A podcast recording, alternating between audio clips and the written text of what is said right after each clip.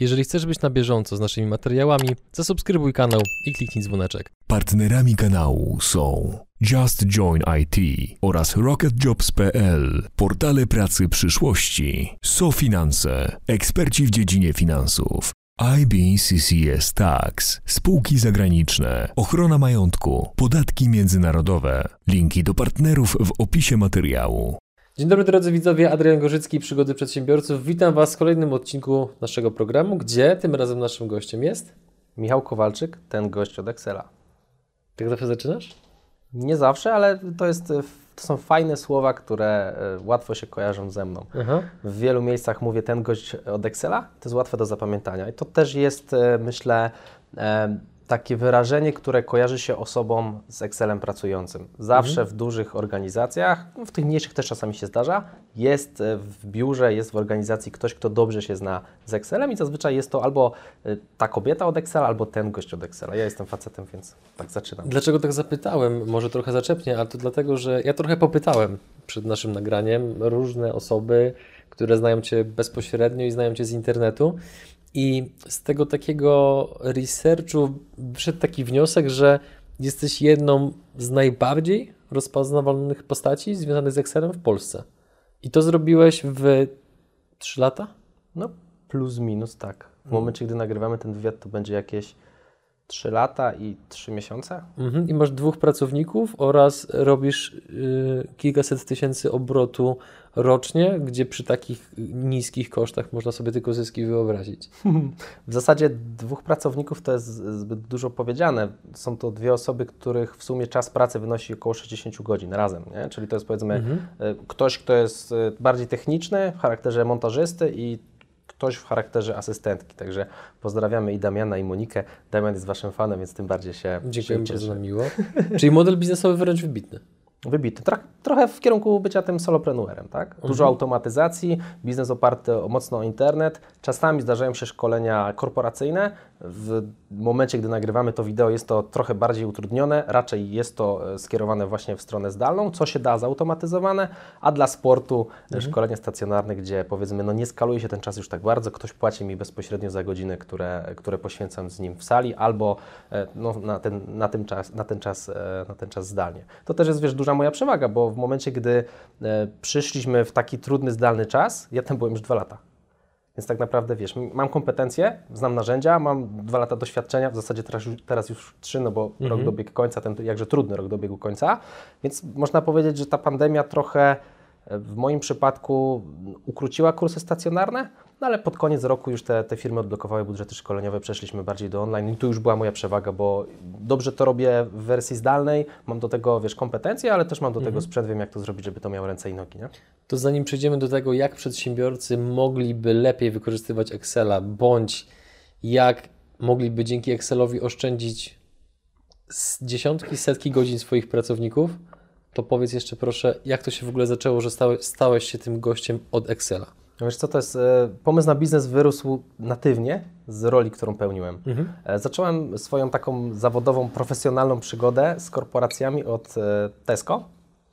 Jak ktoś słyszy, że pracowałem w Tesco, pierwsza myśl to pewnie tam klikałeś na kasie. No, no nie, było to biuro główne zlokalizowane w Krakowie. Zajmowaliśmy się sklepami w centralnej Europie, Polska, Węgry, Czechy, Słowacja. No i ten czas to był czas, w którym naprawdę dużo w tym Excelu pracowałem. W momencie, gdy przyszedłem do pracy, prawie oblałem rozmowę kwalifikacyjną właśnie przez Excela. Y, Standardowe podejście każdego studenta, przecież Excel nie jest czymś bardzo istotnym, można się go nauczyć na YouTube w 24 godziny. No, rozmowa kwalifikacyjna pokazała, że wcale nie. Dopiero wiesz, mocne zaparcie się, takie pół roku praktycznie siedzenia w Excelu już na stanowisku pracy, staranie, staranie się, wiesz, poszerzania swoich kompetencji, doprowadziło mnie do sceny, w której po pół roku byłem w stanie już prowadzić szkolenia wewnętrzne w tej korporacji. To mi pokazało, że po pierwsze jest potrzeba, czyli ludzie, którzy czasami e, robią pewne rzeczy od 10 lat, robią je w ten sam sposób i nie wpadają w ogóle na pomysł, żeby spróbować podejść do tematu pod innym kątem. Przykład? E, No wiesz, że masz jakiś plik, który aktualizujesz zawsze w ten sam sposób, zajmie Ci to dwie godziny. I Ty nie chcesz sprawdzać, czy można zrobić to inaczej, no bo to działa, nie? No to jak coś działa, to po co to zmieniać, nie? To jest ten trochę strach też przed zmianą, nie? Albo też bieżączka. I tutaj przypowieść Stevena Coeya, którą ja w ogóle uwielbiam, e, a propos drwala, nie wiem czy kojarzysz, e, drwala i strzenia piły? Znam to, ale chyba jako po- podawane jako przykład, który chyba powiedział Lincoln. że gdybym musiał ściąć drzewo, to przez, jeżeli przez 8 godzin miałbym ścinać drzewo, to 7 bym poświęcił na ostrzenie siekiery. No to ja znam trochę mhm. alternatywną wersję, którą przytoczył Kowej w siedmiu nawykach skutecznego działania. E, I on przytoczył sytuację, w której gość sobie idzie przez las, patrzy, drwal rąbie drzewo, tam siekierą, czy tam tnie piłą, no nieważne. To jest wtórne. Załóżmy, że tnie siekierą, siekiera jest tępa, widać to od razu. No i pyta się tego, pyta się tego drwala, e, drogi drwalu, dlaczego ty tniesz to drzewo tępą siekierą? No, no nie mam czasu je naostrzyć.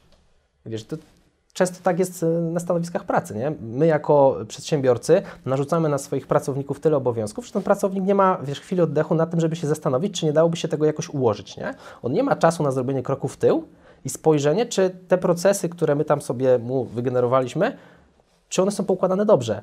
To jest y, przypadek, który mm, znowu w programach telewizyjnych czasami jest y, wykorzystywany, gdzie szef schodzi na pierwszą linię frontu tak, i sprawdza, co tam się dzieje moim zdaniem warto byłoby czasami coś takiego zrobić, nie? zobaczyć, jak te procesy tam na dole e, śmigają, żeby może dać więcej przestrzeni pracownikowi, nie? a nie e, zmuszać go do takiej pracy, żeby od wiesz, 8 godzin on tam nie ma czasu, e, czasu na oddech. A z drugiej strony, będąc znowu w roli pracowników, to też nie każdy ma wiesz, na tyle ambicji w sobie, żeby czasami zrobić coś więcej niż od nas się wymaga, żeby spróbować sobie po pierwsze to życie ułatwić, bo na koniec dnia, jeżeli coś robi się za nas w godzinę, a robiło się wcześniej w dwie, to jesteśmy godzinę do przodu. I okej, okay, możemy być fair i powiedzieć szef, szefowi, no szefu, bo ja tam sobie ten godzinę odmroziłem, nie? Tak byś dorzuć więcej zadań, to będzie spoko. No, mało kto tak robi, nie? Część e, z osób tę godzinę poświęci na przerwę na kawę w gdzieś stołówce albo na jakieś plotki, no a część poświęci na to, żeby podejmować dobre decyzje, bo będzie bardziej ambitna, będzie chciała prawdopodobnie za to zaraz wyższe pieniądze, ale to jest pracownik, który się doszkala, a chyba na koniec dnia chcemy mieć specjalistów w swojej firmie, nie?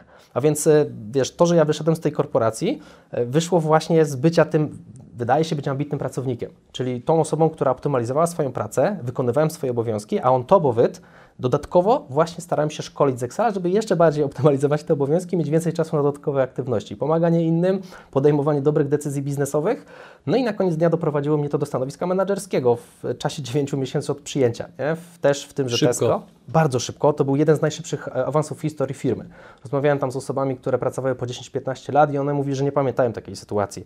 To pewnie też było związane z sytuacją na rynku pracy, bo tam było trochę trudniej o, o specjalistów, o menadżerów. To nie jest tak, że ja mówię, że o, ja byłem tu najlepszy najlepszym specjalistą na świecie po 9 miesiącach pracy. No możesz sobie wyobrazić, jakim byłem menadżerem po 9 miesiącach doświadczenia, jak wspaniały nie byłbym z Excela. To pewnie do ideału było daleko. Natomiast, Ale na pewno byłeś zaangażowany. Tak, byłem zaangażowany, chciałem się uczyć, wiesz, byłem otwarty. Robiłem co mogłem, dawałem z siebie 100%. Nawet e, nie siedziałem po godzinach w pracy, no ale po godzinach miałem takiego bakcela Excelowego złapałem, że, że gdzieś tam się szkoliłem, nie?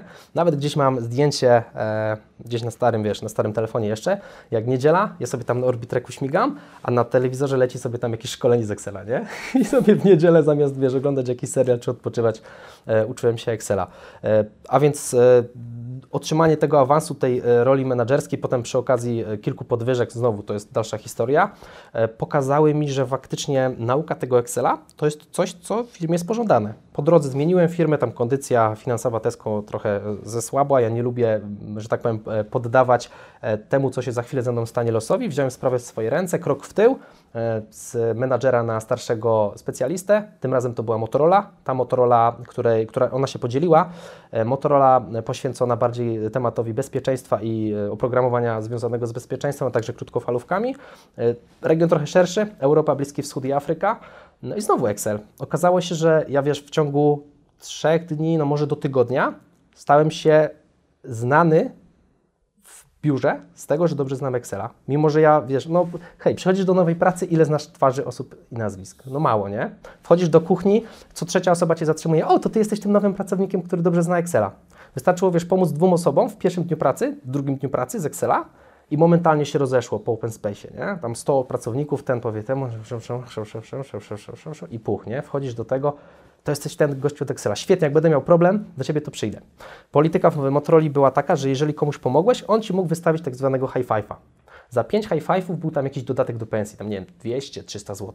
Ja w ciągu pół roku zdobyłem maksymalny limit e, tych high five'ów. Nie? Mój przełożony mnie wziął na rozmowę i powiedział, że nie widział znowu w historii firmy, żeby ktoś tak szybko zdobył tyle y, tych piątek zaraz po zatrudnieniu. On mówi, że y, pisał do tych osób, żeby to zweryfikować, czy ja po prostu im nie powiedziałem, hej, wystaw mi piątkę, nie? I faktycznie ja tym osobom pomagałem, nie?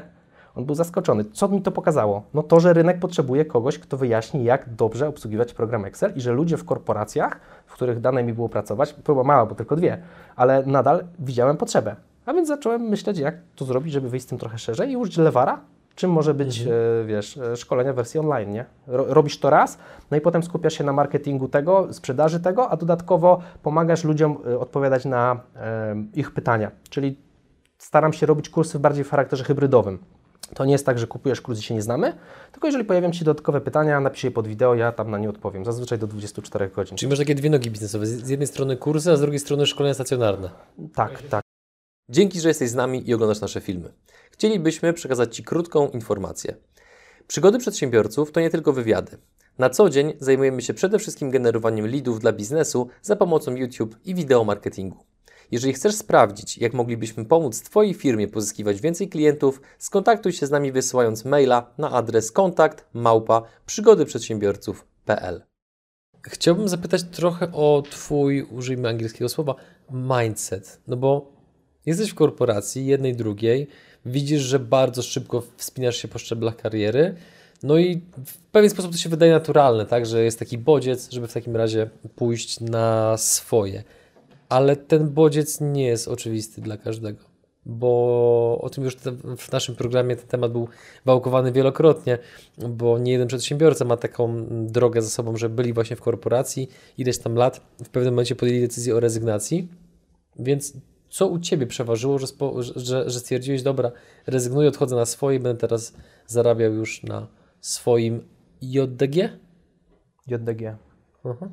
Jeszcze, może kiedyś SPE zobaczymy. Okay. Czas pokaże. Chociaż e, ostatnio wprowadzili fajny ryczałt 8%, 8,5% na usługi szkoleniowe. Słyszałem. To jak ktoś ma niskie koszty, to może trochę e, tysięcy zostawić w kieszeni. E, do meritum. no, klasycznie bałem się, chyba każdy, kto podejmuje te decyzje się boi, ale ja jestem takim wielkim fanem niegrania na wysokim ryzyku. Lubię to ryzyko minimalizować, także giełda nie jest dla mnie. Ja tam codziennie odświeżał, nie? I w Excelu estymację robił oczywiście, gdzieżby, gdzieżby inaczej. E, ja, e, wiesz, ostatni rok w korporacji spędziłem, nawet rok i kwartał, spędziłem równolegle rozwijając firmę. Czyli wiesz, wystartowałem sobie z fanpage'em w październiku 2017 roku. Tam jeszcze nie było mowy o monetyzacji. Szukałem sposobu na to, żeby docierać do coraz większej liczby osób. Ja już koło stycznia zacząłem mówić, że kurs powstanie, pierwszy mój kurs. Zacząłem go nagrywać. Finał, finalnie w 2018 roku premiera nastąpiła 10 kwietnia. Pamiętam tę datę do dzisiaj. I żona mnie zmusiła 23 marca, żebym poszedł założyć tę działalność. Ja wiem, że to jest niekorzystne z punktu widzenia e, zapłacenia ZUS-u. Dobrze byłoby zacząć działalność od pierwszego, a nie od końca 23. Natomiast żona mi powiedziała, Michał, idź, idź, załóż tę działalność, bo nigdy tego nie zrobisz, nie? Załóż tę działalność, za chwilę startujesz z kursem, zrób to, nie? Tam stracisz jeden ZUS, nic się nie stanie, ale będziesz miał to już za sobą i już zrobisz ten pierwszy krok, założysz tę działalność. Swoją drogą 10 minut roboty w Urzędzie Gminy. Ja mieszkam na wsi, więc nic skomplikowanego, dopiero potem się zaczyna impreza. E, a więc ja, wiesz, e, w momencie, gdy założyłem sobie tę moją działalność, 10 kwietnia ruszyła sprzedaż kursu, to było pierwsze otwarcie i to jest jedyna kwota, z którą, którą się podzielę do złotówki, to było 13,5 tysiąca złotych e, w pierwszym otwarciu, wiesz, w tydzień sprzedaży, nie? Dla osoby, która w korpo zarabiała, no tam powiedzmy troszkę więcej niż średnia krajowa, no to, to są fajne pieniądze, wiesz. Co prawda pracowałem na to trzy miesiące, żeby ten kurs, wiesz, nagrać, a kolejne wcześniejsze trzy, żeby jeszcze zbudować społeczność, a więc można powiedzieć, że to był efekt pra pracy pół roku, ale ja wiedziałem, że to jest dopiero początek, nie? To, to, to jest ta scena, w której ja widzę, że są z tego pieniądze, gdzie ja nie mam jeszcze żadnej skali. Jestem małym orzeszkiem, nie? Na rynku są dużo więksi ode mnie. Jeszcze wtedy. I zobaczyłem, że okej, okay, świetnie, to robimy dalej. Kolejny krok, następny kurs. Następny kurs wypuściłem bodajże w sierpniu. Fajnie, tam było ponad 20 tysięcy. A więc policzyłem, hmm, wypuściłem dwa kursy, drugi już zrobiłem, było łatwiej zrobić, bo znałem proces, nie? Miałem coś sprawdzonego, mhm. już każda i kolejna iteracja powoduje, że robisz pewne rzeczy płynniej, nie? Możesz też usprawniać sobie proces, jeżeli masz go skonstruowanego, także swoją drogą warto zastanawiać się, co się dzieje, że nasza firma działa. Dobrze mieć to gdzieś spisane, żeby móc zrobić od tego krok w tył. Znowu wracamy trochę do początku naszej rozmowy i zobaczyć, jak te kafelki są poukładane, żeby ich gdzieś tam czasem nie pozamieniać, albo któryś kafelek e, ułożyć w inny sposób, bo może kolejność jest odpowiednia, ale kafelek nie do końca dopasowany. Nie? A więc w drugiej, e, w drugiej sprzedaży kursu wpadło jakieś tam 20 tysięcy in, innego kursu, tego drugiego kursu. W międzyczasie ten pierwszy kurs włączyłem do stałej sprzedaży. No i jak sobie tak policzyłem, wiesz, w ciągu e, od początku założenia mojej działalności, tam od marca do wtedy chyba sierpnia, połowy sierpnia, zarobiłem chyba połowę tego, co zarabiałem normalnie w rok. A w międzyczasie oczywiście miałem etat. To też był dla mnie trudny czas, tam żona była w pierwszej ciąży. E, no, urodziła syna w maju. Premiera, przypomnę, pierwszego kursu, kursu była w kwietniu, a więc ja miałem etat, małe dziecko i co? No i swój mhm. biznes, nie? który działał w sobie w sumie full time, nie? Więc ja tak trochę doszedłem do sceny, że trochę tego za dużo na talerzu. Coś trzeba wyrzucić, nie? Ja mam do wyboru rodzinę, firmę swoją i etat. No to co zrobiłem? Rzuciłem to w Excela. Zobaczyłem sobie. Serio? Centralnie. Rzuciłem to w Excela i zobaczyłem tak, no okej, okay, tyle mam przychodu z firmy, tyle tam siedzę czasu, tyle poświęciłem mniej więcej, jeszcze tak dokładnie czasu nie mierzyłem. Teraz ciekawostka w tym momencie, no teraz akurat timer nie leci, ale normalnie każdą moją czynność sobie mierzę. Jest, są do tego fajne aplikacje, na przykład Time and I, dzięki czemu łatwo mi jest policzyć zwrot z konkretnych y, czynności. Nie? To jest prosta kalkulacja, potem na koniec miesiąca wycinam to, co nie jest efektywne i nie robię tego w kolejnym. Nie? Mhm. Łatwa diagnoza. No, na koniec dnia chodzi o czas. Y, łatwo też policzyć swoją stawkę godzinową w ten sposób, mnie ktoś zapyta. Y, natomiast wracając do meritum, doszedłem do Jaką wniosku... stawkę godzinową? Nie wiem, czy mogę o tym mówić, ale powyżej 100 zł i to mocno. Okay. Znaczy, to wydaje się niedużą kwotą, natomiast jak zestawimy sobie z, z pracą na etacie, to jest może tak, krotność 100 zł, może, bo tak 100 zł to tak zabrzmiało niedużo. No to właśnie chciałem powiedzieć, że to równie dobrze może być 1000 zł. Tak, tak? to jest pewna krotność 100 zł, tak? Mhm. Nie przekracza na 1000 zł, natomiast mam na myśli każdą czynność, każdą minutę spędzoną na pracy nad firmą. To jest, tak to, tak to, liczę. Czyli nieważne, czy ja wrzucam teraz zdjęcie na Instagrama, co jest częścią mojej pracy, czy nagrywam teraz podcast, czy siedzę teraz z Tobą, to zarabiam za to kilkukrotność stówki, nie? Jak wrzucam mhm. swoje... Jak to prosto policzyć? Czas, który spędziłeś w firmie, zysk, który wygenerowałeś i dzielisz. Mnie interesuje tylko zysk. Przechód to jest coś, co fajnie wygląda, wiesz, e, jak się robi na przykład clickbaitowe tytuły, wiesz, 8 milionów przychodu, no dobra, powiedz mi ile zysku. No tak w sumie to tam minus 200 tysięcy, bo dużo inwestowaliśmy. Ok, długoterminowo spoko, jeżeli masz taki model i rozwijasz firmę, nie mam z tym Jasne. problemu, natomiast ja z tej firmy robię coś, co ma zapewnić godny byt mnie i mojej rodzinie. Nie mam aspiracji do, wiesz, bycia drugim Billem Gatesem i mhm. może kiedyś to się zmieni, na ten moment nie. A więc e, wrzuciłem sobie to w Excelka, no i stwierdziłem, że dobra, no to zrobimy taki teścik. Biorę urlop typowego Polaka, czyli tam od połowy sierpnia do e, połowy, początku września e, robię sobie dwa tygodnie urlopu i poświęcam te dwa tygodnie na centralnie pracę w firmie. Czyli tak jakbym przez dwa tygodnie żył, mając tylko firmę, nie mając etatu. Znowu, no, urlop typowego Polaka. Było tak fajnie, że przyszedłem do pracy, w poniedziałek wytrzymałem, wtorek rano poszedłem, napisałem wypowiedzenie, powiedziałem nie, nie, odpadam, odchodzę. Dlaczego odchodzę? No bo skoro ja jestem w stanie wygenerować, wiesz, w trzy miesiące w zasadzie takiej mocnej pracy tyle, ile y, praktycznie w rok roboty, w, w, wiesz, w korpo, no to ile ja wygeneruję, jak ja będę się zajmował tylko tym, nie? Full time, a dodatkowo jeszcze będę mógł spędzać czas z rodziną. Mhm. To, była, to była prosta decyzja. Nie mówię, że się nie bałem, bo się bałem standardowo, bałem się. Na całym okresie wypowiedzenia śniło mi się, że tam, wiesz, tragedia się dzieje, to normalne. Wszyscy dookoła, to jest najzabawniejsze, że wszyscy dookoła mi mówili, że świetnie robię. Nawet przełożeni. Przełożony w ogóle, jak dałem mu wypowiedzenie, że miesięczne, bo byłem jeszcze na tym miesięcznym wypowiedzeniu, on mi poprosił, żebym został trzy miesiące. W drugą stronę niż zazwyczaj. Zazwyczaj, wiecie, jak to bywa, jak się rozwiązuje umowę, zazwyczaj jest trzy miesiące i mm, pracownik prosi tam o skrócenie do miesiąca czy dwóch, nie? W moim przypadku było odwrotnie, ja się zgodziłem. Zgodziłem się, bo to był też dla mnie fajny czas, żeby tak gładko sobie przejść, nie? Jeszcze, jeszcze się może nacieszyć tym, tą korporacją, jeśli to dobre słowo. No i ruszyłem mocno z kopyta w styczniu i pamiętam jak dziś pierwsze okno sprzedażowe 21 stycznia 2019 e, roku, czyli 21 dni po opuszczeniu etatu, ja wiedziałem wtedy, byłem już w 100% przekonany, że to była dobra decyzja. 21 dni potrzebowałem, żeby tak całkowicie wyzbyć się tego strachu, że będzie źle. Będzie dobrze i jest dobrze, nie? Mhm. No właśnie, teraz jest dobrze, więc powiedzieliśmy trochę o Tobie i o Twojej historii, a teraz powiedz, jakie efekty mają ludzie po Twoich kursach, po Twoich szkoleniach? Zarówno z perspektywy jako pracownicy, jako, jako ludzie oraz z perspektywy pracodawców, którzy mają pracowników, którzy przechodzą przez Twoje kursy albo szkolenia. Myślę, że trochę już dotknęliśmy tego tematu w materii, wiesz, e, dobrego pracownika. I to jest też pewna otwartość przedsiębiorców. No bo mamy takie osoby, które firmy prowadzą i chcieliby, żeby tam ci nasi pracownicy to były takie trybki, które w kółko wykonują jak w kołchozie tę samą pracę. Ale są też tacy mm, przedsiębiorcy, którym zależy na rozwoju pracowników, czyli oni chcą skalować firmę, więc będą potrzebowali za chwilę lepszych specjalistów.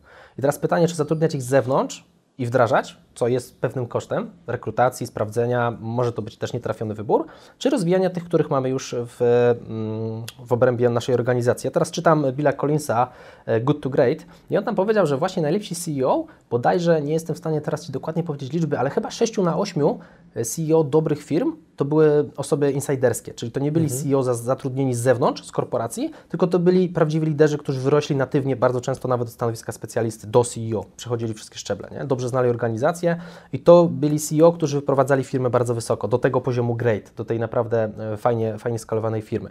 I to jest znowu pytanie, na które powinien sobie odpowiedzieć każdy przedsiębiorca, czy ja mam stanowiska pracy, na których moi pracownicy pracują tak, jak powinni i nie chcę, żeby pracowali lepiej, bo jak im, nie wiem, zakupię szkolenia, to może pomyślą, że będą, wiesz, przyjdą po podwyżkę, przyjdą po awans, a może zmienią pracę, uciekną ode mnie.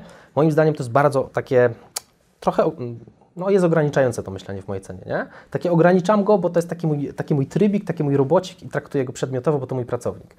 Ja się nie bardzo godzę z tym podejściem i jestem po tej drugiej stronie, czyli staram się właśnie... uczyć ludzi, jak obsługiwać Excela, dlatego że jest to zyskowne dla firmy i jest to korzyść też dla pracownika. Dlaczego? Dla pracownika pracuje mu się lżej, ma więcej czasu. O tym trochę już y, poruszyliśmy, y, porozmawialiśmy na początku. Ma więcej czasu, ma więcej czasu na podejmowanie dobrych decyzji, daje lepszej jakości pliki, czyli jest tam mniej błędów.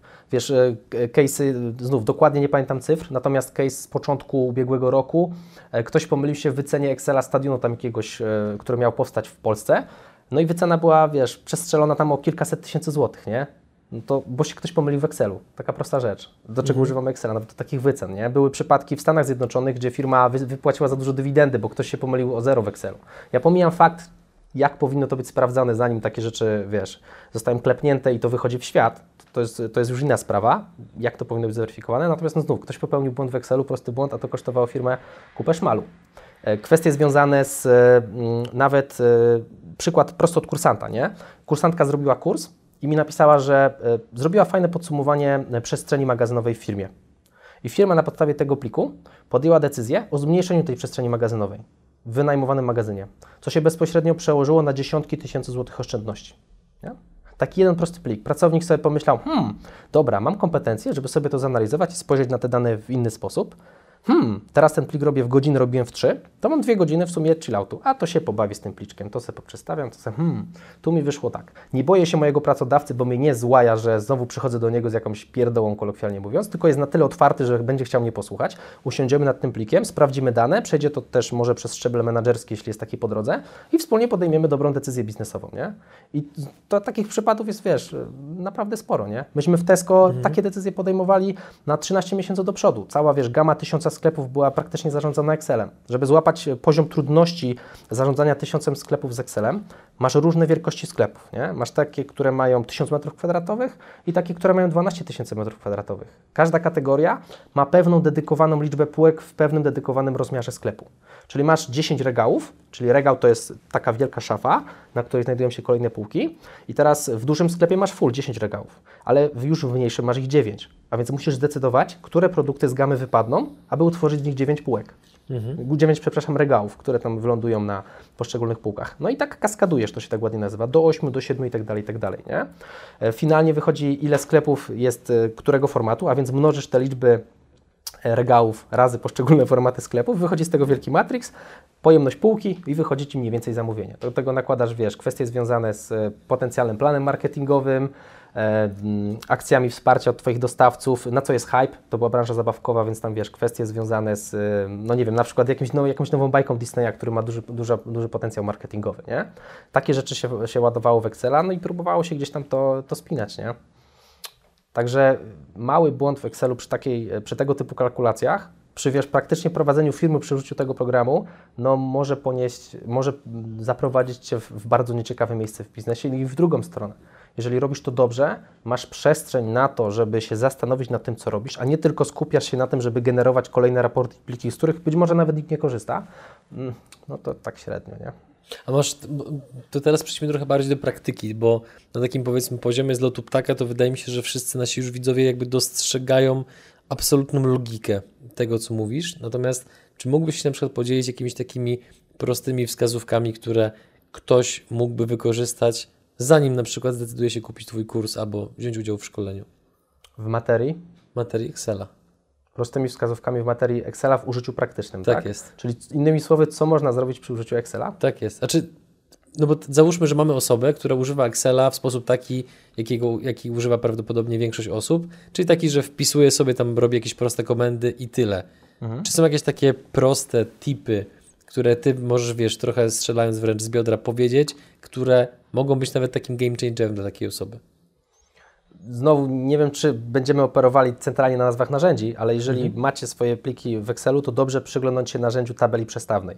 To sobie można nawet gdzieś tam w YouTube e, wyrzucić. Mhm. To jest bardzo fajne narzędzie, które pozwala Wam z tabeli w odpowiedni sposób przestawiając kolumny robić proste podsumowania. I to już daje inny kąt spojrzenia na dane. Bo wiesz, inaczej patrzysz na dane, kiedy masz wielką tabelkę, wiesz, 10 tysięcy wierszy, a inaczej, kiedy z tej tabelki zrobisz sobie podsumowanie, że na przykład wrzucisz sobie kategorię w kolumnę i masz tam wylistowane wszystkie Twoje kategorie unikatowe z tych 10 tysięcy wierszy, a obok na przykład sprzedaż. Nie? To już masz poczucie, która kategoria sprzedaje lepiej, która sprzedaje gorzej. Możesz się zacząć zastanawiać dalej, dlaczego, nie? Spróbować nałożyć na to jakieś daty, zastanowić się na przykład, skąd wynika taki trend sprzedażowy, czyli nakładasz sobie na to wykres. No bo jak patrzysz na suchą tabelkę z danymi, nie każdy ma taki feeling, że oto ja już wiem mhm. o co kaman, nie? Wrzucasz sobie na to tabelkę no i się zastanawiasz, na przykład, co się mogło wydarzyć, że w tym miesiącu my mieliśmy pik sprzedaży większy na przykład o 20%, nie? Albo jak spojrzysz na dane, to jest też ciekawe w kwestii sezonowości, jeżeli spojrzysz na swoje dane w, sprzedażowe w perspektywie czasu, może okazać się, że na przykład zawsze w grudniu mamy, mamy pik. A więc łatwiej się zatowarować, spodziewając się lepszej sprzedaży w jakimś konkretnym miesiącu, nie? Na podstawie takich w zasadzie prostych analiz, które jesteś w stanie, mając dane, zrobić no, poniżej dwóch minut. Ja teraz nie przesadzam. To jest naprawdę kwestia użycia, zbudowania takiej tabeli, poprzestawienia kolumn i nałożenia wykresu i zastanowienia się, co dalej. To jest jakiś punkt wyjścia, nad którym mhm. głębiej trzeba się zastanawiać, co, co tam dalej z tym, z tym można zrobić. Także tabele przestawne i wykresy to jest coś, nad czym e, pochyliłbym się w pierwszej kolejności, jeżeli oczywiście dysponujemy, e, mamy dostęp do danych Mhm. No bo nie zawsze też mamy, nie? nie zawsze firma te dane gromadzi, chociaż w przeważającej części gromadzi i na tym kończy się proces obrabiania tych danych niestety. Z czego to wynika Twoim zdaniem? E, no, wydaje mi się, że właśnie niewiedzy. Z tego, że wiesz, odpalamy Excela i tam to w sumie jest tylko suma. Nie mamy w ogóle świadomości, jak złożony to jest program i co my tam możemy zdziałać, nie? Albo się go boimy. To też jest tak, odpalam mhm. zielone jakieś komórki, coś trzeba wpisywać, jakieś sumy, nie rozumiem totalnie działania tych formuł. I teraz wiem, że dziwnie to zabrzmi w ustach trenera, który tam przeprowadził z 300 ponad live'ów poświęconych tematowi Excela i przeszkolił, wiesz, kilkadziesiąt firm z, czołówki tutaj e, IGPW i w ogóle e, rynków, e, rynków światowych, bo też szkole w języku angielskim. Excel jest prosty, nie? On jest naprawdę prosty, tylko wystarczy chęć pochylenia się chwilę nad nim i sprawdzenia sobie, jakie w ogóle ten program daje możliwości. Os oscyluje, że między 10 a 15 godzin to jest taki czas, gdzie zaczynasz już naprawdę, kolokwialnie mówiąc, kumać czacze, nie? Zaczyna się coś dziać w tej głowie i widzisz, że od tego punktu, jak wejdziesz głębiej, no to będzie już naprawdę dobrze. Dotarliśmy do końca pierwszej części naszej rozmowy, więc teraz mówimy, jaki jest konkurs, jaka jest nagroda konkursowa i zapraszam oczywiście widzów do drugiej części, do której link znajduje się w opisie filmu. Proszę, mów. E, z czym takim ciekawym spotkaliście się w Excelu swojej pracy, albo do czego używacie tego programu w Waszych e, firmach? W nagrodę możecie otrzymać jedną z trzech rocznych licencji na kurs zaawansowany. Złożony produkt, e, który ma ponad 150 lekcji i da Wam właśnie taką przekrojową wiedzę na to, co możecie w tym programie zrobić. To jest myślę takie świetne miejsce, od którego po pierwsze zyskacie już fajne kompetencje, ale będziecie się mogli dalej odbijać albo Wy, albo Wasi pracownicy, bo oczywiście e, to do Was będzie należała decyzja, do kogo trafi e, licencja tego kursu, jeżeli ją oczywiście wygracie. Drodzy widzowie, odpowiedzi na konkurs oczywiście w komentarzu pod filmem na YouTubie, a tymczasem zachęcamy Was również do obejrzenia drugiej części rozmowy z Michałem, do której link znajduje się w opisie filmu i w tej drugiej części porozmawiamy sobie o tym, co można zrobić z Excelem w firmie. Witamy w drugiej części rozmowy z Michałem, tym gościem od Excela, gdzie teraz porozmawiamy sobie o tym, co można zrobić z Excelem w firmie. Michale, scena jest Twoja. Proszę. Co można zrobić z Excelem w firmie? Jako, że Tutaj myślę sporo osób, które nas e, oglądają, to osoby, które znajdują się w sektorze małych i średnich przedsiębiorstw albo chciałyby założyć swoją działalność gospodarczą. Myślę, że warto wspomnieć e, przede wszystkim o użyciu Excela do analizy swoich kosztów i przychodów, czyli coś... Rzecz kluczowa. Rzecz kluczowa, biznes jaki musi być? Zyskowny. Zyskowny, dokładnie. Może nie na samym starcie, ale docelowo kiedyś powinien. I teraz e, dlaczego... Mm, nie robi tego za nas księgowa. No bo księgowa jest przedłużeniem organów podatkowych. I misją księgowej nie jest to, żeby nasza firma była zyskowna. Misją księgowej jest to, aby podatki się zgadzały. I nie ma w tym nic złego. To jest normalne, taka jest jej rola, prawda? Na, na, tym e, ta rola polega. Natomiast y, gdybyśmy zatrudnili sobie w firmie dyrektora finansowego, no to taki człowiek już bardziej dbałby o to, aby ta zyskowność się nam zgadzała. Bardzo często właśnie w sektorze małych i średnich firm tego dyrektora finansowego nie ma, bo to nie jest jeszcze tak duża organizacja. Warto samemu wtedy pochylić się nad, nad kwestią związaną z kosztami i z przychodami. Do tego świetnie sprawdzi się Excel. Jak to zrobić najprościej, jak się da? No po prostu wylistować sobie e, wszystkie nasze wydatki, Oczywiście zachowując zdrowy rozsądek, jak tam ktoś wydaje 12 zł na bramkach, no to myślę, że taki wydatek można pominąć. No chyba, że przejeżdża przez te bramki 400 razy w ciągu, w ciągu roku. Kwota się wtedy już zbiera nieco bardziej znacząca. E, chodzi o to, aby mieć skategoryzowane te koszty, a więc robimy sobie dużą kategorię w stylu na przykład samochód, jakaś infrastruktura, pracownicy, e, ZUS, jakby nie było, jest to też koszt, e, outsourcing albo księgowość, coś, co pozwoli nam w jakiś sposób skategoryzować te koszty, a dodatkowo dodać sobie jakiś krótki komentarz, żeby na przykład w infrastrukturze infrastrukturze, do, mm, w kategorii infrastruktury mieć też podkategorie w stylu na przykład, no tak jak Ty masz studio, jakbyśmy mogli tu wy, wylistować e, grupę, grupy związane z, z infrastrukturą Twojego studia, na przykład sprzęt, nie? Tutaj mhm. byś wrzucił lampy, jak, jakiś aparat jakbyś kupił nowy, czy, czy tło, ale mógłbyś też wrzucić na przykład kategorię aplikacji. Wtedy łatwo jest Ci zobaczyć, ile w, w wiesz, w skali miesiąca czy w skali roku wydajesz na aplikację, ile wydajesz na sprzęt, no i zobaczyć, jak to się zwraca, czy może da się odciąć jakąś aplikację, skoro płacisz jej abonament, a na przykład w ogóle z niej nie korzystasz. Mając taki plik, mając wylistowane raz w miesiącu takie rzeczy, jest Ci łatwiej po prostu to złapać. Jeżeli płacisz abonament na przykład roczny, możesz sobie od razu w, w taki prosty Excelowy plik wrzucić taki abonament roczny. Nie, nie musisz za każdym razem co miesiąc do, doklejać kolejnej fakturki. Nie? Jak ja mam na przykład abonament za telefon, który jest stały, to ja mogę go wpisać z góry na rok od początku, no bo ja już podpisałem umowę i on po prostu tam sobie jest. Nie muszę co miesiąc wchodzić, wiesz, i zastanawiać się, a gdzie ja mam tam jakiś jeszcze koszt? Aha, jeszcze abonament telefoniczny, a to zapomniałem. No po co? Wpiszmy to mhm. raz, e, miejmy to z głowy. Z drugiej strony mamy przychody. No skąd te pieniądze do nas przychodzą, nie? Skąd? Ja mam kategorię, wiesz, e, kursy, czyli platforma, no i kategorię szkolenia, wyjazdy, wystąpienia. To są kategorie poświęcone tej dru drugiej nodze biznesu. U mnie lwia część leży po tej stronie online'owej, po tej stronie platformowej, natomiast e, w obrębie platformy mam kilka kursów. I teraz pojawia się kolejne pytanie. No to który kurs ile przywozi? Model jest, model jest subskrypcyjny, dostępy do kursów są roczne. Teraz pytanie, ile w takim razie osób przedłuża moje kursy? To jest też ciekawa, e, ciekawa informacja. Dlaczego? No bo dzięki temu jestem w stanie przewidzieć jakoś tam mój biznes. Jeżeli załóżmy, zrobiłem okno sprzedażowe w kwietniu, które przywiozło mi, nie wiem, 30, 50, 100 tysięcy złotych, i mam mniej więcej e, informacji, że na przykład 35 osób przedłuża ten kurs, 45% osób przedłuża ten kurs, to za rok o tej porze mogę spodziewać się już pewnego przychodu. I teraz planując swój budżet wydatki na kolejny rok, jest mi już łatwiej przewidzieć potencjalne przychody tej firmy, nie? Jeżeli chciałbym mhm. ją gdzieś tam dalej skalować i, i, inwestować. To są bardzo cenne informacje, których nie dostaniemy od księgowej. Ona nam tego nie powie. Ona nam tylko powie, że mieliśmy tyle kosztów, mieliśmy tyle przychodów, w sumie razem do worka wrzuconych. Mówimy tutaj o kwestii KPIR, którą pewnie wybierze gdzieś tam większość osób e, na samym początku swojej kariery z przedsiębiorczością. I tyle. Nie mamy takich większych, większych detali, które pomagają podejmować dobre decyzje biznesowe. Nie? Kwestia, tak jak ja mam te kursy online, czy sprzedawać je w okienkach, czy sprzedawać je w stałej sprzedaży. No to jest decyzja, którą można podjąć na podstawie liczb. Patrząc w nie, trzeba je mieć. Do tego jak najbardziej tam, tutaj ten Excel się przyda i to jest naprawdę prosta sprawa. Kategoria, pod, e, podkategoria w obrębie kategorii, kwota dodatnia albo ujemna, procent VAT, mnożymy procent, y, dzielimy, wiesz, dzielimy naszą kwotę brutto przez tam 1 przecinek i wartość VAT, tam 0,8 albo 1,23, wychodzi nam kwota netto obok. E, no i możemy dać sobie jeszcze krótki opis, jeżeli chcemy dodać jakąś notatkę. Mając tak skonstruowane dane, e, łatwo jest je już analizować przy użyciu na przykład tabeli przestawnej, do której to tabeli sprawdzenia zachęcaliśmy w części pierwszej naszego e, tutaj dzisiejszego, a w zasadzie ostatniego spotkania. Mhm. Co jeszcze? Co jeszcze? Kwestie związane z cashflow. I to jest temat troszkę już wyżej. To jest sytuacja, w której e, nasz system podatkowy w kraju jest taki trochę e, trudny. O co chodzi? Jeżeli mamy na przykład jakiś taki duży, duży kontrakt, duży deal, okazuje się, że dogadaliśmy się, miałem takie coś na stole, naprawdę e, kilkaset tysięcy złotych od firmy, deal na kilkaset tysięcy złotych. Ja miałem robić centralnie całą platformę e-learningową, mam na myśli nagrać im content, zrobić im szkolenia, nie? I teraz jaki był problem? Problem był taki, że w momencie, gdy oni wystawiliby mi fakturę na przykład w, nie wiem, kwietniu, chwyćmy się tego kwietnia, to ja musiałbym zapłacić ten podatek VAT i podatek, yy, zaliczkę na podatek dochodowy również w kwietniu. A płatność mogłaby nastąpić do 90 dni.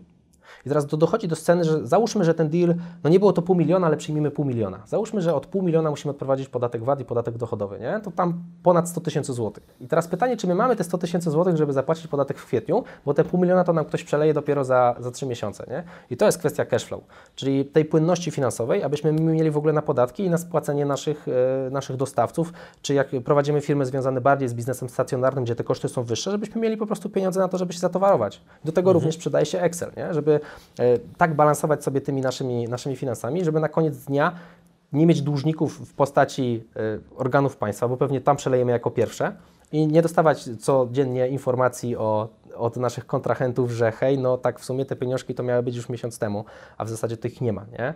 Nie lubię słowa pieniążki, nie wiem dlaczego się to wkradło. E, jesteśmy przedsiębiorcami, więc rozmawiamy o pieniądzach. Pieniądze miały być, e, miały być w zeszłym tygodniu, a jeszcze ich nie ma. I tutaj pozdrowienia dla Wojtka Bizuba, który ma fajny system przypominający SMS-ami codziennie, jak ktoś się spóźni. E, ja nie jestem na szczęście korzystającym z tego systemu, zawsze płacę faktury w terminie, natomiast robię to dlatego, że no, po pierwsze mam niskie koszty, ale po drugie dbam o ten cashflow, nie? czyli tak staram się operować moimi e, podatkami i moimi kosztami, żeby po prostu nie zabrakło mi e, na koniec dnia dla tych najważniejszych osób, czyli moich dostawców, moich pracowników, organów podatkowych, a dopiero na końcu, żeby zostało coś też dla mnie. Możemy liczyć zyskowność, to jest coś, co się wiąże z, z, z punktem poprzednim, nie? czyli mając koszty, mając, e, mając przychody, znając zobowiązania, znając cash flow, jesteśmy znowu w stanie przewidzieć, ile jesteśmy w stanie na koniec roku oszczędzić z tego naszego biznesu. Nie? Albo jeżeli mamy tam jakieś po drodze odpływy prywatne, zobaczyć, czy my w stanie jesteśmy z tej firmy wyżyć. I to był jeden z motywatorów mojego odejścia z etatu, prawda? Oprócz tego, że e, mm, już trochę mm, czułem, że to jest przestrzeń, że, że pora odejść, to łatwo było mi podjąć tę decyzję, łatwiej było podjąć mi tę decyzję, mając moje przychody, koszty i po porównując sobie pensję versus to, co zarabiam w tym momencie z firmy. Łatwiej było mi ją podjąć, widząc bez, to bezpieczeństwo, które gwarantowały mi moje zyski z firmy. Gdybym tego nie liczył, to nie wiedziałbym, czy to jest już ta scena, w której ja mogę żyć tylko z firmy, czy może jeszcze muszę poczekać i pomęczyć się, dbając o żonę, dzieci, e, etat i firmę, tak? Czyli robiąc wszystko, co tylko się da i pracując tam po 16-17 godzin na dobę, żeby to wszystko spiąć, a przy okazji jeszcze zobaczyć się e, z dzieckiem i, i żoną. Także to jest kolejna rzecz w Excelu, którą, e, nad którą warto byłoby się pochylić. I takie bardziej narzędziowe korzystanie z Excela, bardziej w stronę arkusza Google, może niekoniecznie już takiego Microsoftowskiego Excela. To jest szczególnie wykorzystywane właśnie w takich mniejszych firmach, Excel jako narzędzie do zarządzania projektami. Czyli mamy arkusz Google, do którego ma dostęp w tym samym czasie kilka osób. No i tam są jakieś kwestie związane z, z checklistami. Na przykład Wy korzystaliście z tego, zapraszając mnie na spotkanie. Wrzuc, wrzuciliście mi plik, co prawda nie był to plik Excelowy, był to plik Wordowski, e, mhm. w zasadzie e, arkusz, nie arkusze Google, tylko dokument Google'a, ale to był plik, który wysyłacie pewnie wszystkim zapraszającym i tam była pewna checklista, nie? Mhm. przez którą trzeba przejść. I taki sam plik mógłby być zorganizowany w Excelu, żeby sobie w prosty sposób właśnie organizować kto, co, gdzie i jak odpowiedział, przechowywać to jako, jako jakąś tam jako jakiś tam y, backup, żeby mieć to w przyszłości, albo w charakterze prowadzenia projektu mamy jakiegoś współpracownika czy kontrahenta zewnętrznego, to zamiast wpinać go w naszą aplikację do zadań, jedni mają ClickUp, inni mają Nozbi i tak dalej, i tak dalej, zamiast wie, wiecie, no, zmuszać go do tworzenia konta, wiesz, y, wiesz zaznajomienia się z, tym całą, z tą całą infrastrukturą, można mu wysłać arkusz Google i powiedzieć, że takie mamy ścieżkę krytyczną, na przykład do tego dnia to, do tego dnia to, do tego dnia to, czy tu masz jakiś komentarz, jak nie masz, to ok, jak masz, to napisz komentarz, ja to skomentuję, sprawdzamy sobie to i stworzymy tworzymy z Excela w zasadzie proste narzędzie do zarządzania projektami, którymi mhm. jesteśmy się w stanie łatwo podzielić, wysyłając po prostu link. To jest kolejne, myślę, fajne zastosowanie Excela. No i checklisty. To też jest fajna rzecz, czyli znowu od punktów sobie piszemy, co tam e, po kolei trzeba by było zrobić. E, jak najbardziej sobie takie checklisty możemy stosować. Przy na przykład nagraniach to jest coś, e, z czego Ty też korzystałeś, ja też korzystam przy swoim biznesie. Przy aktywnościach, które są cykliczne i które się powtarzają, mam checklisty zrobione w Excelu, dzięki czemu łatwo wiem, który krok muszę wykonać, a mając stworzony proces w charakterze checklisty, mogę też na nim spojrzeć obiektywnie i zastanowić się znowu, czy ta kolejność się zgadza. Do tego też świetnie sprawdzi się nam Excel. No i teraz przechodząc do kolejnego wątku, który na pewno pojawił się w głowach części widzów, którzy na tym etapie być może nawet rozważają, że odezwać się do Michała, nie odezwać się. No i teraz załóżmy, że ktoś kupuje Twój produkt, kupuje Twój kurs. Czy, będąc cały czas w temacie Excela, masz to jakkolwiek policzone albo sprawdzone, w jakim tempie jest szansa, że tej osobie się te środki zwrócą, jeżeli realnie ten kurs przerobi? E, wiesz co? To jest e, dobre pytanie z punktu widzenia, myślę, przedsiębiorcy. Dlaczego? Jeżeli mamy pracownika, który zdecyduje się na kurs, można podejść do tego dwutorowo. Z punktu widzenia przedsiębiorcy i pracownika. Z punktu widzenia przedsiębiorcy, jeżeli pracownik, załóżmy, że stawka godzinowa naszego pracownika to jest jakieś, powiedzmy, kosztuje nas na godzinę ile? 50 zł? Jak doliczymy sobie ZUS, doliczymy sobie biurko, przy którym siedzi, prąd, kawę, jakiś papier toaletowy w łazience, miejsce, w którym jest. Całkowity koszt pracownika za godzinę. No pewnie nie jest to dwie dychy. No, pewnie nie. Zresztą państwo polskie nawet byłoby to nielegalne, prawda? Załóżmy, że to jest okolice 50 zł. A więc jeżeli on dziennie zaoszczędzi nawet, nie wiem, 15 minut w tym Excelu, nawet niech zaoszczędzi te 30 minut w Excelu, no to mamy 25 zł. Przyjmijmy dwie dychy, żeby się lepiej liczyło. Dwie dychy w ciągu tygodnia mamy stówę w kieszeni. Na tych 20 paru minutach, y, które, mhm. które pracownik zaoszczędził. Stówę na, na tydzień w skali miesiąca 4 stówy, nie? W skali roku mnóżmy dalej. 4800. tak, kilka tysięcy złotych. Jeden pracownik, 30 minut, nie? A teraz wiesz, y, taki przykład znowu z mojego korporacyjnego półświadka był raport, który aktualizował się dwa dni. Napisałem takie sprytne makro, to jest troszkę już wyższy poziom Excela, czyli pisanie w pisanie Excelowi, co on ma odtwarzać. Raz mu piszesz taki kodzik, klikasz play i on sobie za każdym razem w ten sam sposób odtwarza te, ten kodzik. Napisałem makro, które robiło w 10 minut coś, co aktualizowało się dwa dni wliczając w to rozbicie, rozbicie go na 10 arkuszy i wysłanie do poszczególnych osób maila. Nie? I ja to zrobiłem raz i osoba, która to robiła, dwa dni w miesiącu odzyskiwała. I teraz my w Korpo nie pracowaliśmy za małe pieniądze zazwyczaj, nie? To, to, to, mhm. to były pieniądze ponad średnią krajową. Wiadomo, małe pieniądze to jest coś, co jest względne. Natomiast rozmawiamy Jasne. tutaj teraz z punktu widzenia osoby pracującej na etacie. No pieniądze powyżej średniej krajowej, no to w dzisiejszych czasach nie jest to szczyt pewnie ambicji wielu osób, natomiast to są dobre pieniądze. No nie oszukujmy się, to są dobre pieniądze dla, dla znakomitej części, części społeczeństwa. I teraz jak sobie weźmiemy tę naszą stawkę godzinową, weźmiemy te dwa dni w ciągu miesiąca i przemnożymy tam 16 godzin razy ten, no to to jest niebotyczna oszczędność dla pracodawcy. I z drugiej strony znowu mamy lepszego specjalistę, ma więcej czasu, zyskał 16 godzin, z którymi coś może zrobić. Nie? Z punktu widzenia pracownika, no on ma argument do podwyżki. Nie? Co może być trudne dla przedsiębiorcy. Natomiast... No tak, ale z drugiej strony, jeżeli staje się bardziej wydajny, no to przedsiębiorca. Dlaczego, nie? dlaczego miałbym nie zapłacić mu więcej, skoro pracownik wykazywał w ogóle wolę i chęć, żeby faktycznie w te nowe kompetencje się uzbroić? No ja, to jest dobre pytanie, które ja czasami zadaję niektórym pracodawcom. Mhm. Co wtedy słyszysz? Którzy się boją. Bo odejdzie. Nie będę w niego inwestował, bo odejdzie bo zmieni pracę, bo będzie myślał, że jest zbyt ważny dla firmy, bo przyjdzie po podwyżkę, bo przyjdzie po awans. Mhm. To jest takie, wiesz, myślę, że w wielu przestrzeniach spotykamy się z takim myśleniem i to nie tyczy tylko się grupy przedsiębiorców. Po prostu no, jako ludzie mindset, nie? Pytanie, które, które gdzieś tam dzisiaj padło. Mindset jest istotny. jeżeli mamy mindset y, Znowu nawołam do rozmowy z Wojtkiem Bizowem, która tu się chwilę, chwilę wcześniej odbywała, nagrywamy, nagrywamy ją razem. Tam była kwestia, nie pokażę swojego know-how, bo konkurencja zobaczy. Dla mnie to jest w tym samym worku. Nie? nie pokażę tego, co robię, bo konkurencja zobaczy i skopiuje to jeden do jeden. Nie zainwestuję w pracownika, bo będzie za, za dobry nie? i mhm. będzie chciał podwyżkę albo odejdzie gdzie indziej. No, no nie, no nie idźmy w tą stronę. Nie? Gdzie można Was znaleźć, czy znaczy Was, Ciebie, gdzie można znaleźć w internecie? Poprosimy wszystkie możliwe adresy. Ojej, jest I tego dużo. Dlatego, numer karty kredytowej. Tak. Takie miejsce, dobrym miejscem jest strona internetowa exwork.pl. Czemu exwork? Cały projekt nazywa się Excellent Work. Natomiast gdyby ktoś miał wpisać to w przeglądarkę internetową, byłoby to zdecydowanie trudne. A więc skrót EX, work jak praca.pl, e, fanpage na, na Facebooku Skuteczna Nauka Excela, LinkedIn, e, Skuteczna Nauka Excela albo Michał Kowalczyk, Instagram, Michał Kowalczyk, Skuteczna Nauka Excela, YouTube, Excellent Work. E, na YouTube znajdziecie, znajdziecie vloga i znajdziecie również podcast, który też się nazywa Excellent Work, Skuteczna Nauka Excela. Więc jak jeżeli wpiszecie Excellent Work, Skuteczna Nauka Excela, chyba w dowolną platformę, może poza TikTokiem i Pinterestem, chociaż z tym TikTokiem to jeszcze się waham, to mnie znajdziecie. Podcast poświęcony tematyce Excela, ale też właśnie takiemu rozwojowi e, swojej kariery, bardziej nakierowany jednak na stronę, na stronę pracowników. Natomiast vlog to jest coś, gdzie opowiadam i Instagram to jest coś, gdzie opowiadam bardziej o tej roli przedsiębiorcy, twórcy internetowego, e, mhm. szkolącego z szeroko pojętego Excela. Więc dużo przemyśleń związanych z mindsetem, dużo takich tipów automatyzacyjnych. U mnie dużo rzeczy dzieje się na, na automacie i myślę, że to, to też byłby gorący temat, jakbyśmy, e, może tak, taki wrzucimy kamyczek, żeby Dawaj. było ciekawie. E, na ten moment te wszystkie kanały, które Wam wymieniłem, jedyne co nagrywam to w zasadzie podcast i to w zasadzie taki, że nagrywam swoją twarz i mówię, wrzucam plik na e, sieć, na OneDrive, to jest jedna moja aktywność i druga wrzucam zdjęcie na Instagrama swoje raz w tygodniu ręcznie, nie? Wszystkie pozostałe rzeczy dzieją się totalnie bez mojej wiedzy. E, przy czym pracownicy montują tylko wideo i dodają opis. Nie? Reszta dzieje się sama. Wszystkie posty generują się same, podcast się dodaje, e, certyfikacja na przykład na mojej platformie też dzieje się sama. Dużo rzeczy po prostu dzieje się z, automatu.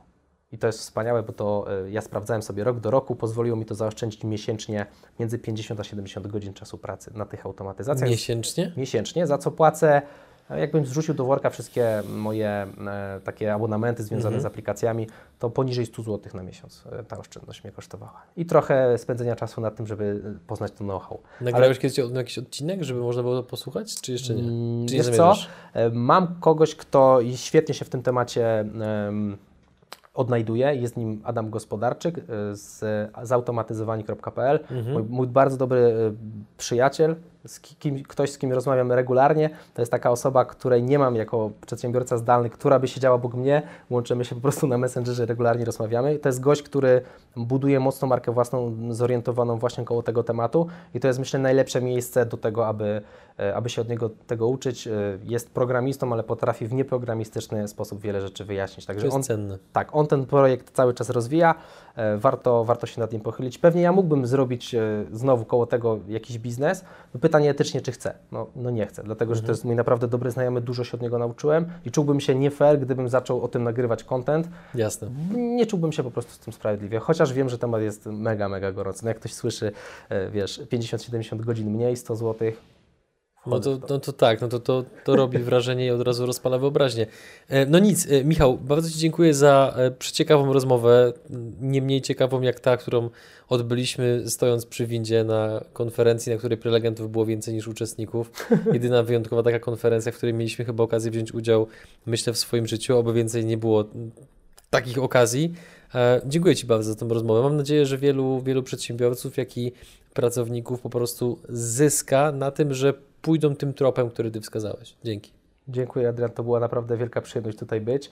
E, kilka odcinków e, przygód przedsiębiorców obejrzałem i ten kanał ma naprawdę olbrzymi potencjał niesienie kanganka takiego, takiej zdrowej przedsiębiorczości. To jest coś, czego w mojej ocenie w tym kraju trochę brakuje.